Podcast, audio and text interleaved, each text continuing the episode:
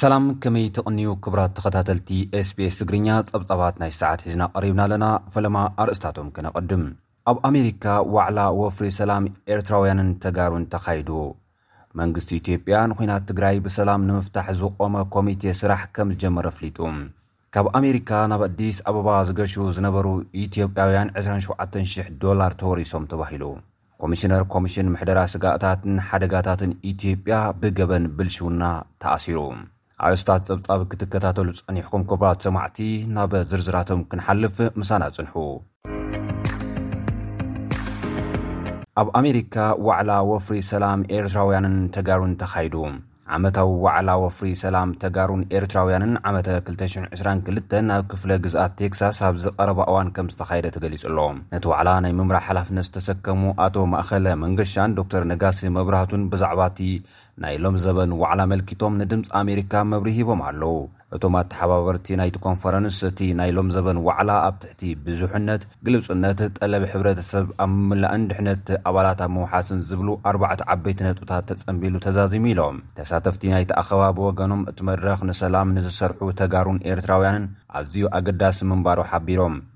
ኣብ ሰሜን ኣሜሪካ ዝነብሩ ተጋሩ ኤርትራውያንን ብኣካል ኣብ ካልእ ከባቢ ዓለም ድማ ብዙም ዝተሳተፍሉ እዚ ኣኸባ ኣብ መንጎ ህዝብታት ትግራይን ኤርትራን ሰላም ብኸመይ ክመጽእ ይኽእል ብኸመይከ ክዕቀብ ይግባእ ዝብሉ ኣገደስቲ ሓሳባት ተበጊሶም ዕውት መድረኽ ከም ዝተሰላሰለ ኣረጋጊጾም። እቲ መድረኽ ኣብ ማእኸል ኲናት ዝካየደሉ ዘሎ እዋን ምክያዱ ኣዝዩ ፈታኒ ምዃኑ ዘዘኻኸሩ ተሳተፍቲ ናይቲ ኣኸባ እንተኾነ ገበነኛታት ተሓተትቲ ክኾኑ ኣብ ምርርዳእ ዝተበጽሐሉ ኣብ መንጎ ህዝብታት ይቕረ ናይ ምብህሃል መንፈስ ንምዕሳል ዝስርሓሉ መበገሲ ሓሳብ ምዃኑ ኣረዲኦም። ኣተሓባበርቲ ናይቲ ዋዕላ ዝኾኑ ኣቶ ማእከለ መንገሻን ዶክተር ነጋሲ መብራህቱን ድማ፣ ኣድማስ ናይቲ መድረኽ እናሰፍሐ ተሳተፍቲ እናበዝሑ ዝኸድሉ ዕድል ከምዝህሉ ብምሕባር፣ እቲ ኣብ መንጎ ህዝብታት ትግራይን ኤርትራን ንብዙሓት ዓመታት ዝጸንሐ ናይ ምብድዳል ልምዲ ንሓዋሩ ዝእለየሉ ናይ ወለዶታት ስራሕ መሰረት ከምዘንጽፍ ሓቢሮም ኣለው። እቲ ዋዕላ ኣብ ክልተ ሽሕን ዓሰርተ ሸሞንተን ዝጀመረን ብድሕሪኡ እውን ዝቐፀለ ምዃኑን እቶም ኣተሓባበርቲ ገሊፆም እዮም።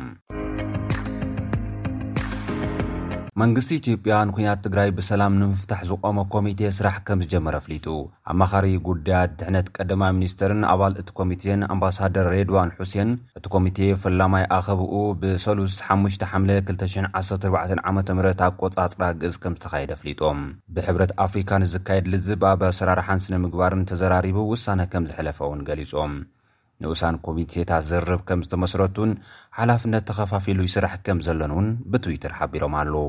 መንግስቲ ኢትዮጵያ እቲ ዝርርብ ብሕብረት ኣፍሪካ ከምዝምራሕ ቅዋሙ ዘፍለጠ እንትኸውን መንግስቲ ትግራይ ድማ ኣብ ልዕሊ መራሕቲ ሕብረት ኣፍሪካ ቅሬታ ከምዘለዎ ብምግላፅ ኣብ ኬንያ ናብ ዝካየድ ዘተ ላዕለዎት ተወከልቲ ከምዝልእኽ ኣፍሊጡ እዩ። ካብ ኣሜሪካ ናብ ኣዲስ ኣበባ ዝጓዓዙ ዝነበሩ ትውልደ ኢትዮጵያውያን 27 ሽሕ ዶላር ተወሪሶም። መሰረት ሓበሬታ ጉምርኽን ሓለዋ ዶባትን ኣሜሪካ እቶም ሓሙሽተ ኣባላት እታ ስድራ መገዲ ኣየር ኢትዮጵያ ናብ ኣዲስ ኣበባ ንክጓዓዙ ምዕርፎ ነፈርቲ ዋሽንግተን ዳላስ ዝተረኽቡ እዮም።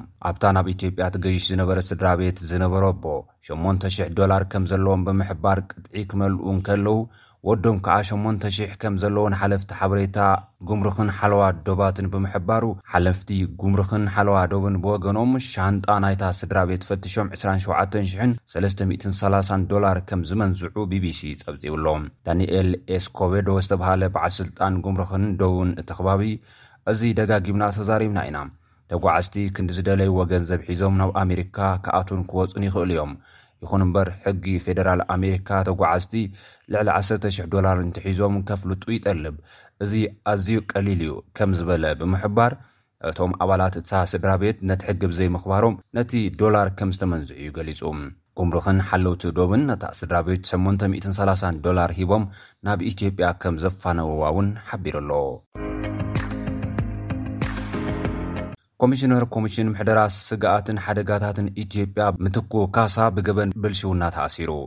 ኣብ ፖሊስ ፌደራል ሓላፊ ምፅራይ ገበን ብልሽውና ዝኾነ ሓጋዚ ኮሚሽነር ታደሰ ኣያሌው፣ ኣቶ ምትኩ ምስ ሓደ ትካል ገባሪ ሰናይ ውሽጢ ዓዲ ብምትሕብባር ፈፂምዎ ዝተብሃለ ገበን ብልሽውና ከምተጠርጠረ ገሊፁ'ሎ።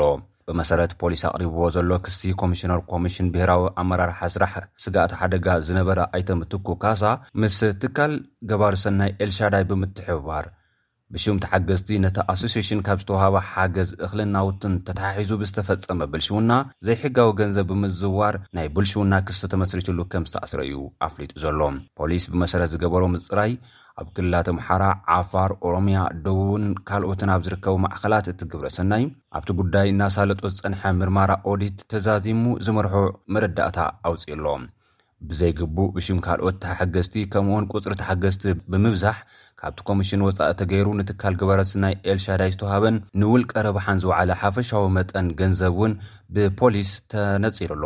ብመሰረት እዚ ኣርባዕተ ሚእትን ሰብዓን ክልተን ሚሊየን ብር ፍርቂ ቢልዮን ብር ዝግመት ሓሙሽተ ሚእትን ዓሰርተ ክልተን ሺሕ ኩንታል ስርናይ፣ ሰላሳን ኣርባዕተን ሺሕ ኩንታል ምሸላ ባሕሪ፣ ሰብዓን ሸውዓተን ሺሕ ሊትር ዘይቲ፣ ኣርባዕተ ሺሕ ኩንታል ሩዝን ኣርባዕተ ሺሕ ኩንታል ካልእ ዓይነት ንጥረ ነገራትን ካብ ክልቲኦም ኣካላት ከምዝተመንዘብዐ ፖሊስ ኣፍሊጡ'ሎ።